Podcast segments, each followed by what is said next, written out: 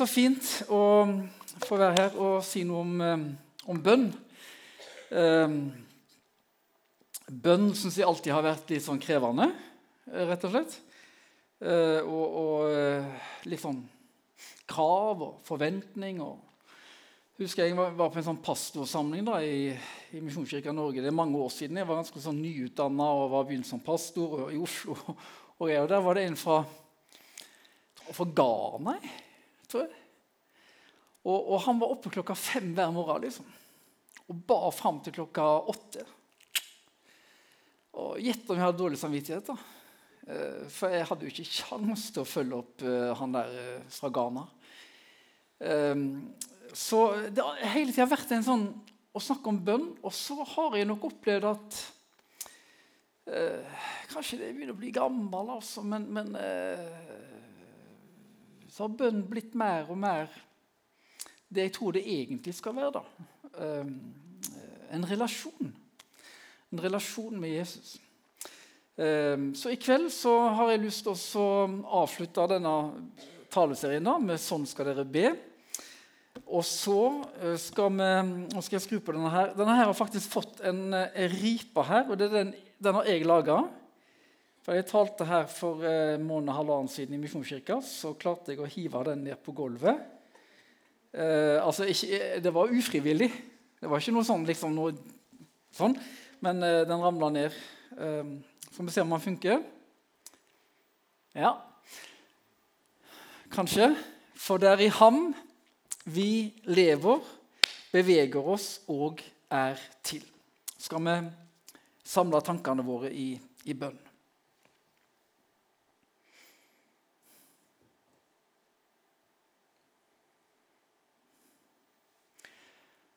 Jesus, takk for det at du eh, ser oss her vi er sammen i denne kirkesalen. Eh, takk for det at du er her. Du har vært her hele tida. Du har ønsket oss velkommen, du har tatt oss imot. Eh, og så har jeg lyst til å be om at noe av det som jeg deler nå, Herre, skal få lov til å være til hjelp og oppmuntring. Og kanskje også inspirasjon, Herre, eller Til det som har med bønn å gjøre. Til det som har med denne relasjonen vi har med deg. Amen. Um, for det er i ham vi lever, beveger oss og er til. Uh, den kristne troa den hevder at Gud er skaper av denne verden. Og så står det at eh, mennesket ble skapt, og så står det også at Gud blåste livspust inn i nesen på mennesket, og så ble det til en levende skapning. Men ikke bare det. Han er også den som opprettholder verden. Han har ikke skapt verden for så å trekke seg tilbake fra verden. Han har skapt verden, og så opprettholder han sin verden. Og Det er derfor Paulus kan si der når han står i Aten, var det vel, og sier at ja, men det er jo faktisk sånn at det er i Han vi alle sammen lever og beveger oss og er til. I Gud. Og så kan jeg tenke, Hva har det med bønn å gjøre? Jo, det har veldig mye med bønn å gjøre. Fordi at bønn kan være noe som jeg har som en del av mitt kristne liv. Og så har jeg det plassert inn i en eller annen sted. Bønn er en del av det. Men jeg tror at bønn ikke var tenkt å være det. Jeg tror bønn springer ut av det at vi er skapt av Gud. Vi er skapt til fellesskap med Gud. Gud opprettholder verden og jeg lever og jeg beveger meg i Gud. Og dermed så er bønn plasseres det i sentrum av mitt liv. Noe som kommer innenfra, og ikke noe som presses på meg utenfra.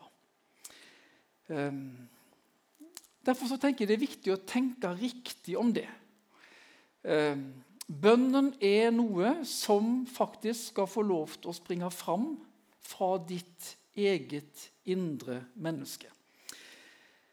Og så maler Bibelen opp et bilde for oss. Ehm, så sammenlignes vi med trær. Um, salme 1. Jeg tror vi får det opp. Uh, som Jeg skal sikkert trykke på den. Sånn. Jeg klarer ikke å lese det som står der. Jeg klarer å lese det som står der. Den som har sin glede i Guds ord og grunner på det dag og natt, er lik et tre plantet ved rennende vann. Det gir sin frukt i rett tid, og løvet visner ikke på det. Den har alltid vært, altså Salme 1 har alltid vært en sånn bilde på det livet som du og meg kan ha med Gud. Um, så er det et annet bilde som brukes når det kommer til bønn, og det er ordet 'tørst'. som vi får fram neste. Er det du som styrer, eller er det jeg som styrer? Det er jeg? Ah, han funker, ja. Sist gang så funka han ikke, så når jeg trykka, så satt Gerarne bak der og trykka hver gang jeg trykka sånn. Jeg trodde jeg styrte denne her, men han hadde full kontroll. Eh, men nå er det jeg som styrer. Det var godt å vite. Jeg måtte bare vite det. Gud, du er min Gud, som jeg søker. Min sjel tørster etter deg. Min kropp lengter etter deg i et vannløst, tørt og utarmet land. Gud, du er min Gud som jeg søker. Min sjel, mitt indre menneske, tørster etter deg. Og kroppen min lengter etter deg i et vannløst, tørt, utarma land. Um, det var jo oppmuntrende, hva? Um, dette treet som står ved bekker med rennende vann først Ehm, en kirkefader som het Augustin, han levde 350 etter Kristus og døde i 430 etter Kristus. Han har sagt noe som har blitt stående som en sånn gjennom alle de årene etterpå. Så har han sagt Min sjel er urolig inntil den finner sin hvile i deg. Den har blitt stående. og I boka han har skrevet en sånn slags selvbiografi som heter 'Bekjennelser'. Og Der skriver han om sin, sin tørst. Rett og slett sin tørst etter noe som han ikke helt vet hva er. Hans vei inn i mye filosofi. Finnes Gud der? Eh, hvor er Gud? Så han, han, er veldig ærlig om livet sitt og livet han levde, og søkte i mange ulike retninger. Det er ikke bare i dag at det er mange ulike retninger. Det var det den gang også. Eh, for mennesker har alltid liksom slitt med dette. Hvem er vi, og hvor kommer vi fra? Hvor går vi, og hva er meningen med livet? og alt, Alle de eksistensielle spørsmålene som, som vi noen ganger har. Um, og så sier han, når han da finner på en måte landet hos Kristus, så sier han nå er jeg hjemme. Min sjel er urolig inntil den finner sin hvile i deg. Og Det er bønn. Å finne hvile hos Gud. Det tørste, det vannløse, det tørre og utarma landet. Jeg får ikke veldig gode assosiasjoner. Jeg får liksom sånn ørkenområde, tørre trestubber, noe sånne dyreskjelett Eh, og sånn greier, liksom. Æsj. Jeg noen gang, har noen gang vært skikkelig tørst uten å ha muligheten til å slukke tørsten? Er det noen som Har dere opplevd det? Ja? Den der opplevelsen av jeg er så tørst, og jeg har ikke kjangs til å slukke tørsten min. Um, det er noe av det som den personen som har skrevet Salme 62 der Min sjel tørster, altså. Og jeg kjenner at det er et landskap som er tørt, utarma. Og kanskje, bare kanskje, men jeg lurer på Kanskje vårt samfunn i dag også er prega av en tørst. Kanskje du og meg også er prega av en tørst. Det er noe urolig ved oss. Det er noe rastløst ved oss. Vi er hele tida på jakt etter noe. Vi er hele tida liksom Er det noe bedre som skjer? Er det noe, er det noe annet? Altså, skal jeg velge det? Skal jeg velge det? Eh, ja. Får jeg brukt hele meg nå? Og så videre. Og så bombarderes vi med inntrykk. Og så leser jeg i avisene at eh, blant unge mennesker så er søvnvansker økende. Vi sliter med å sove om nettene. Finner ikke roen. Det som jeg prøver å liksom tenke at nå, her finner jeg roen, det, det, det gir meg ikke ro. Um, det er som heter Kaja Melsom, som er filosof, filosof i Human-Etisk Forbund. Hun har skrevet en bok som heter 'Den fordømte friheten'. Fantastisk spennende, god bok. Og Hun skriver om alle valgmulighetene vi har.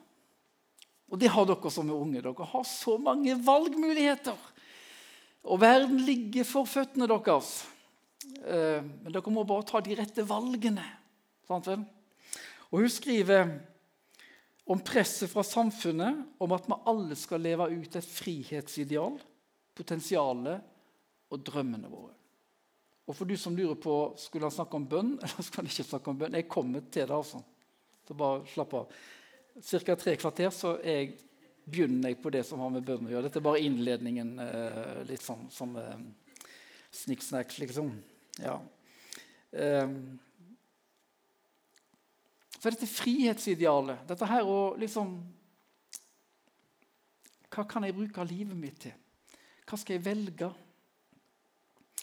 Eh, NRK de plasserte en skrifteboks, en, skrifteboks, en boks på universiteter og høyskoler. Og så utfordra de generasjon prestasjon. Så fikk de svaret på hva er det som gjør at de er så opptatt av å prestere. Og da svarer de som svarte der, alle valgmulighetene legger et press på de om å velge rett og utnytte sitt potensial. Og der kommer det igjen, liksom. Og dette har med, med bønn å gjøre. Um, for bønn, det handler om tørst. Bønn handler om det tørre, vannløse, utarma landskapet og bønn er ikke noe vi først og fremst gjør, men det bønn er noe vi, vi er. Og forstått som krav Altså bønnen som et krav. Når Jesus sier at du skal elske Herren din Gud av hele din sjel, av hele ditt hjerte, av all din kraft, så kan det oppfattes som et krav. Du skal elske Herren din Gud. liksom. Og bønn som et krav det er jo drepende. Men bønn som en invitasjon er noe annet. Da er det livgivende. Bønnen er alltid en invitasjon. Det er ikke noe du og meg skal gjøre eller prestere, men det bunner i en invitasjon fra Gud til å være i denne relasjonen og i denne nærheten med Gud. For Det som er så viktig å huske på i alt det vi holder på med, folkens, det er Alt som handler om din og min tro, handler alltid om hva Gud har gjort først. Alltid. Så når du og meg inviteres inn Du skal elske Herren din Gud. og Be alltid, sier Paulus. Det kan virke som sånn Jeg skal, og jeg må be alltid. Og nei og nei og nei. Så er det alltid evangeliet, på en måte. Det er alltid, og det handler alltid om hva Gud har gjort for deg og meg. At Jesus Kristus har blitt født, han har blitt menneske. Han har gitt sitt liv. Eh, han har vist oss sin kjærlighet. Han, han har gjort alt dette for oss. Og Da er det ikke lenger et krav, da er det en invitasjon. Og på samme måte med bønn. Bønnen er en invitasjon. Så I kveld så skal jeg gi dere fire punkter. Jeg skal ikke bruke like lang tid på alt. Bønn er for det første en indre fornyelse. Bønn er en invitasjon til å bli elska. Bønn er å lukke Jesus inn. Og bønn er å venne seg til å leve nær Gud. Bønn er indre fornyelse. Hvis jeg trykker på den maskinen. Ja. Den sjelen som tørster. Det er så mye vi må få gjort. Vi er så travle. Er det noen her som kjenner at de er travle? Er det eksamenstid? Ja, er det travelt? Er det innleveringer? Ja, ja, ja, ja. Er det noen som har det travelt på jobben for tida? Ja, noen få. Ja. Og så er det krav fra studier, det er venner, det er kirka, det er familie. Og Etter hvert så kommer vi inn i en runddans og en virvelvind som kaster oss rundt. Og Midt oppi dette her så ber så vi i Bibelen om at må, vi skal bevare vårt hjerte fordi at vi lever ut fra vårt hjerte. Og Der kommer bønnen inn. Bønn er rett og slett en indre fornyelse. For vår kapasitet handler ikke bare om hva du og vi kan, liksom, kroppen vår og fysikken vår kan få til, men vi har et indre menneske og Det må vi også ta hensyn til. Vårt mentale liv er en del av oss. Og Istedenfor å være sånne trær som er planta ved bekker med rennende vann, så er vi kanskje også sånne trær som er rykka opp med røttene, og så ligger vi på bakken, og så spriker røttene i alle retninger.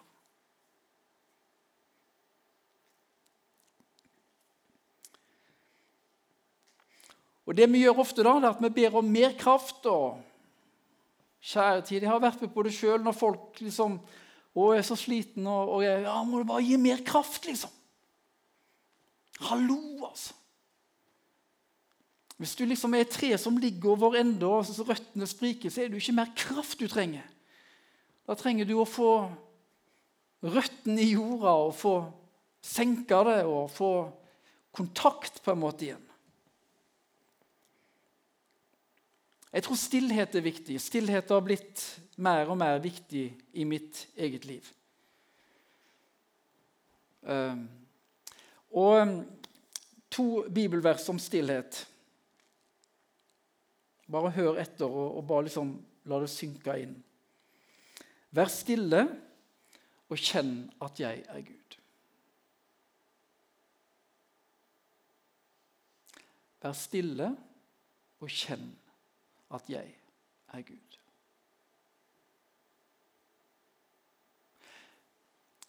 Det ordet som står for å være stille der, det betyr ikke bare å være, liksom, holde kjeft. Men det betyr egentlig å holde opp. Altså la armene hvile altså fra, din, fra dine henders gjerning. La armene hvile. La armene henge rett ned. Vær stille. Um, og Når vi står sånn og er stille og armene henger rett ned, så får vi ikke gjort noen ting. Ingenting får vi gjort. Vær stille og kjenn at jeg er Gud. Stillheten. Det å holde opp. Det å roe ned. Det å gå ut av dette her eh, hva kalles det for hamster? Hamsterhjulet? Jeg, har faktisk hatt hamstere, så jeg vet hva jeg snakker om. Mm, Snipp het den. Mm. Den døde. Men jeg hadde det himla gøy med han. Ja. Og når jeg kom hjem fra jobb, og sånn, så kom den ut og liksom hilste på meg. Eh, veldig. Dere blir litt rørt når jeg forteller om det. jeg merker det. Eh, Salme 62. Hør. Bare hos Gud er jeg stille. Bare hos Gud er jeg stille. Fra ham kommer min frelse. Bare han er min klippe og min frelse og mitt vern. Jeg skal ikke vakle. Så det er en sånn invitasjon til Gud, venner. Bønnen er egentlig en Gud som står med vidåpne armer og sier, 'Kom. Kom. Kom inn til meg.' Hos meg kan du slippe armene ned. Hos meg trenger du ikke gjøre en døyt. liksom. Kom. Vær stille. Eh, og kjenn at jeg er ditt vern. Ikke et krav. Det er ikke noe du pålegges, men det er noe du inviteres inn til.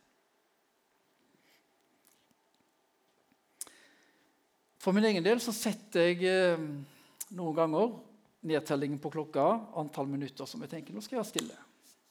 Det er kjempekrevende. Fem minutter. Har noen prøvd å være stille i fem minutter? Åh. I dag satt jeg ti minutter. Å, himmel og hav. Tankene gikk. Jeg var på en sånn retreat for mange år siden. Og da da fikk jeg sånn konkurranseinstinkt. Jeg skal sitte lengst av alle og være stille. tenkte jeg. så, så, vanskelig kan en bli. vet. Jeg skal sitte lengst. Jeg klarte det. Ja, Herlig, altså. Um, men, men, stillheten For det det som skjer når du blir stille Men det er veldig lurt å sette nedtellingen på, altså. Så er du stille. Hva skjer når du blir stille? Jo, da begynner jo alle tankene å fly. Ja, det, er jo, det, er jo, som å skru på en knapp. altså. Så er det bare brrr, Og så flyter det rundt i dette hodet. Jeg skulle ikke tro det var plass til så mye tanker i, i hodet. sant vel? Um,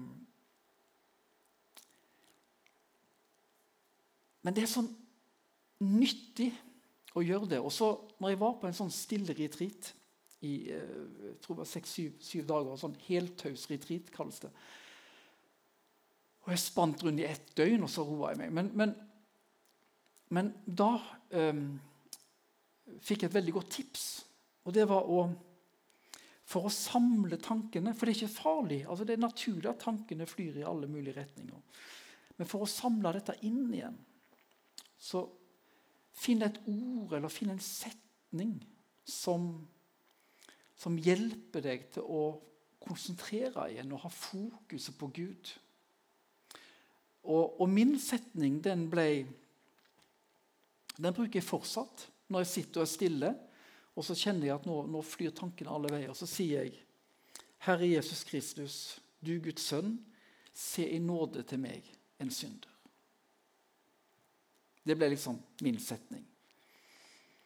Um, og den hjelper meg til å, å dra tankene inn igjen mot Gud og kjenne at nå sitter jeg i din nærhet, Gud, og jeg vil bare sitte her og være stille. Og Så kjenner en at nå gjør jeg ingen verdens ting, og det er litt skremmende. Sant vel? For det at vi vil jo gjøre noe fornuftig eller ufornuftig hele tida. Men så viktig det er med den stillheten. Um, og I samfunnet så snakkes det om mindfulness og alt mulig. så det, Dette her er jo noe som også samfunnet Det er interessant å se at det som har vært på en måte i den kristne retreatbevegelsen i lang, lang tid altså. Og før det altså, som, igjen da springer ut av klosterbevegelsen. Og så kommer det noen sånne superintelligente mennesker som oh, mindfulness. Oh, oh, velkommen etter, liksom. Ja. Men det er bare det at når, når vi er stille når vi konsentrerer tankene våre, så er det Kristus. Det er Kristus som er på en måte i fokus. Det er han som inviterer oss til å være i hans nærhet. Og så kan vi få lov til å være stille hos han. Så begynn med bare to minutter. To minutter. Eller gå en tur i stillhet. Jeg sier det noen ganger. 'Jesus, nå går jeg ut på en tur, og så blir du med meg.' Jesus. Og så vi, så har vi en liten rusleprat, du og meg. Så praktisk og så konkret gjør jeg det. Det andre det er bønn er en invitasjon til å bli elska. Det bildet der, det, det vet jo alle øh, hvem som har malt det, øh, regner jeg med. Ja, Kom igjen. Hvem som har valgt det? Kom igjen, da. Jeg hadde ikke visst det hvis jeg var dere. Hm? Nei, ikke Picasso. Eh, det er altså Rembrandt. 1600-tallet. Eh, det heter 'Den bortkomne sønn vender hjem'. Og Det bildet kan også stå som et sånn bilde på ja, men hva er bønn. Jo, bønn er å komme hjem. Bønn er invitasjon. Bønn er indre fornyelse. Bønn er å komme hjem. Litt skummelt å snakke om bønn, for bønn er jo så mye.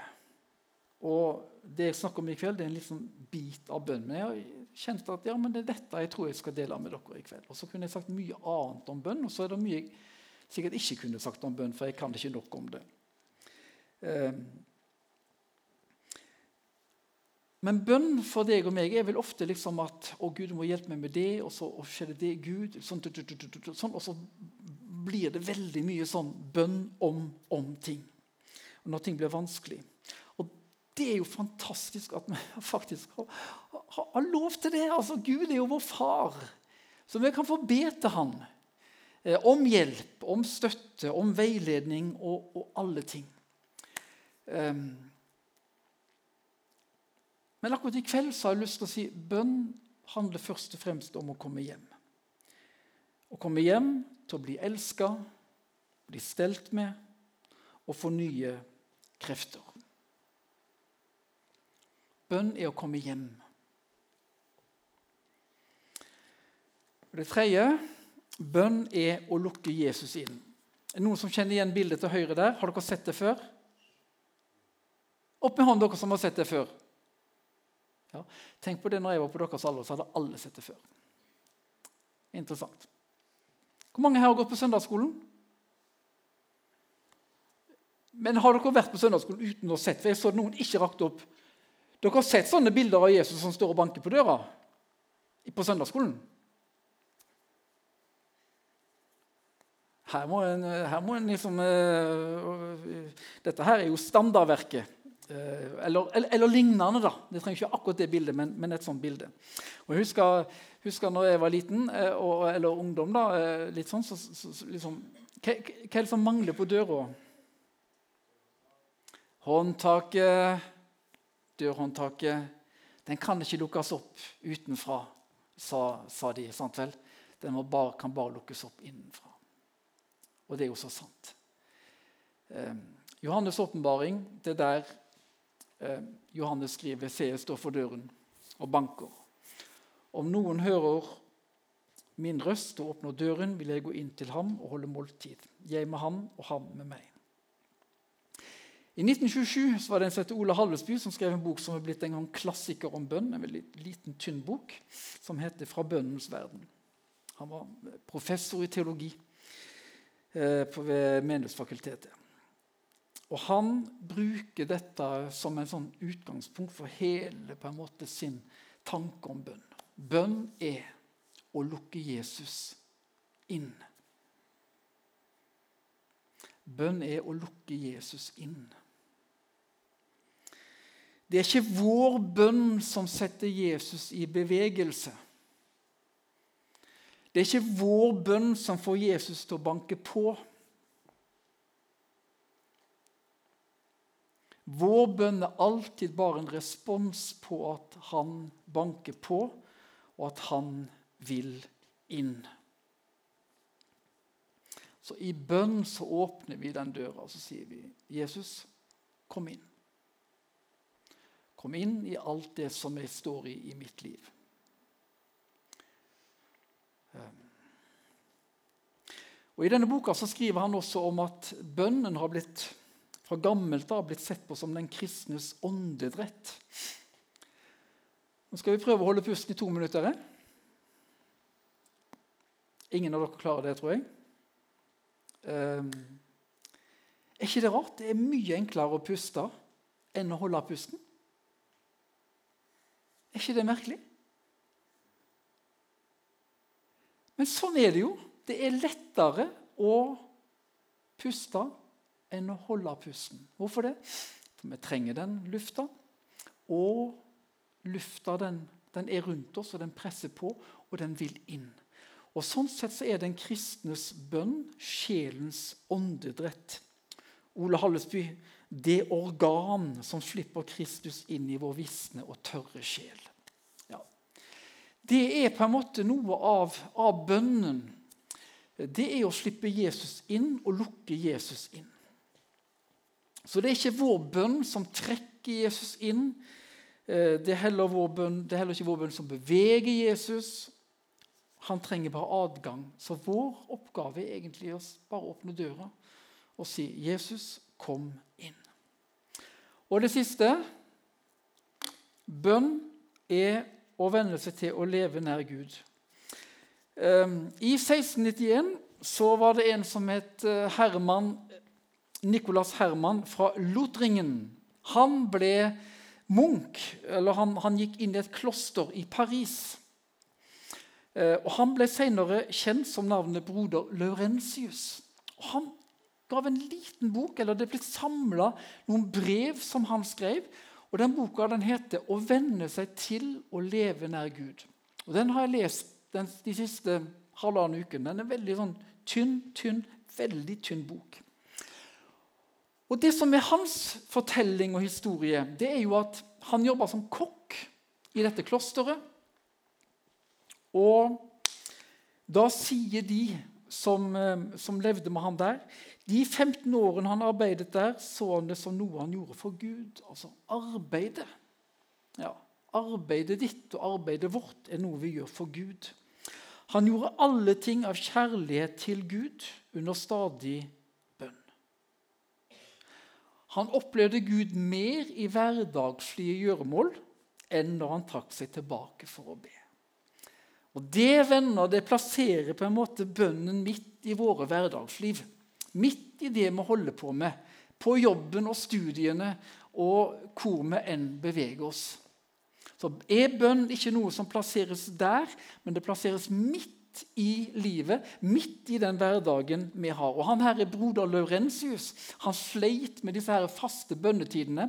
Han virker jo som han fikk litt langt opp i halsen disse her åndelige øvelsene og metodene og alt en skulle gjøre. For han var det på en måte både enkelt og vanskelig på samme tid.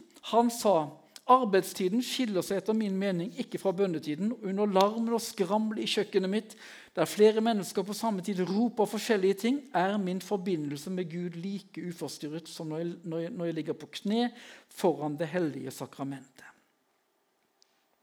Det var hans måte å si det på. Med.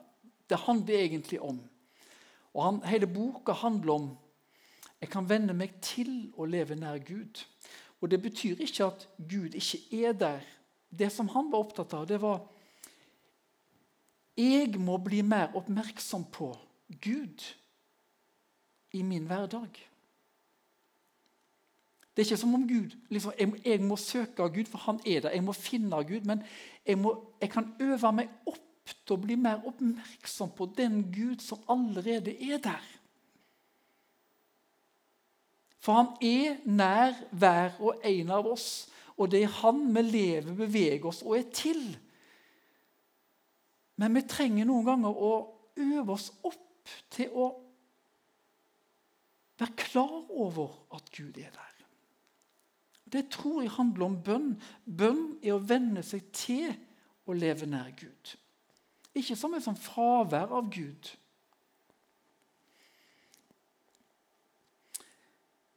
Bønn er indre fornyelse, en invitasjon til å bli elska, å lukke Jesus inn og venne seg til å leve nær Gud. Det var de fire punktene som jeg hadde lyst til å gi dere. Og så har jeg skrevet ned en bønn som skal få på skjermen her nå. Skal liksom, man kan be den høyt sammen etterpå. Eh, det er egentlig ikke en bønn, det er mange punkter. En sånn punktbønn, kanskje. da. Um, men den ligger også på eh, noen lapper bak på bordet. der, så Når du går ut, så kan du ta den med. Det er en sånn liten lapp. Og Tanken med den var Nå går vi inn i sommeren og sånt. Og ut av rutinene. Um, du kan ta den lappen. Jeg tror jeg ville tatt bilde av den liksom med mobilen min. Og så er dette noe som tar to-tre minutter. Da har jeg lyst til å. Hver morgen eller hver formiddag når du våkner eller hver ettermiddag. Alt etter sånn tid du våkner. liksom. Men før du, før du, på en måte går i gang med dagen din, be den bønnen. Gå gjennom det arket. Gjør det til en vane i livet ditt.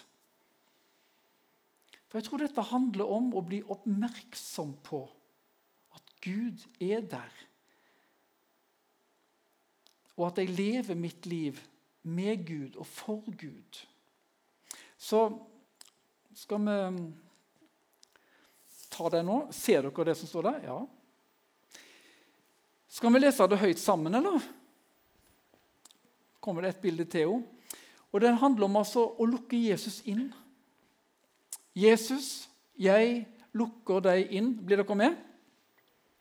I denne dagen, med alt det jeg skal gjøre, i stillheten som jeg vil oppsøke denne dagen, i mitt møte med ulike personer gjennom denne dagen, i mitt hjerte, for jeg lever ut fra det, i min tanke, i min glede, i mine bekymringer, i min tvil, i mine vanskelige relasjoner, i mitt arbeid og studier, i min hvile, i min sorg, i min usikkerhet, i de valg jeg skal ta, i det at jeg sammenligner meg med de andre, i min følelse av å ikke strekke til, i konflikter jeg står i, i mine talenter og muligheter. Det handler om folkens, å lukke Jesus inn i livet. Så hvis du tar sjansen på liksom bare hver dag, så ønsker jeg bare å be denne bønnen her. Jesus, jeg lukker deg inn um, i mitt liv. Og så er det kanskje andre punkter også. Er det kanskje noen punkter som du stopper ekstra ved fordi det var mer aktuelt enn en andre. Ja. Jeg har lyst til å be en bønn til slutt.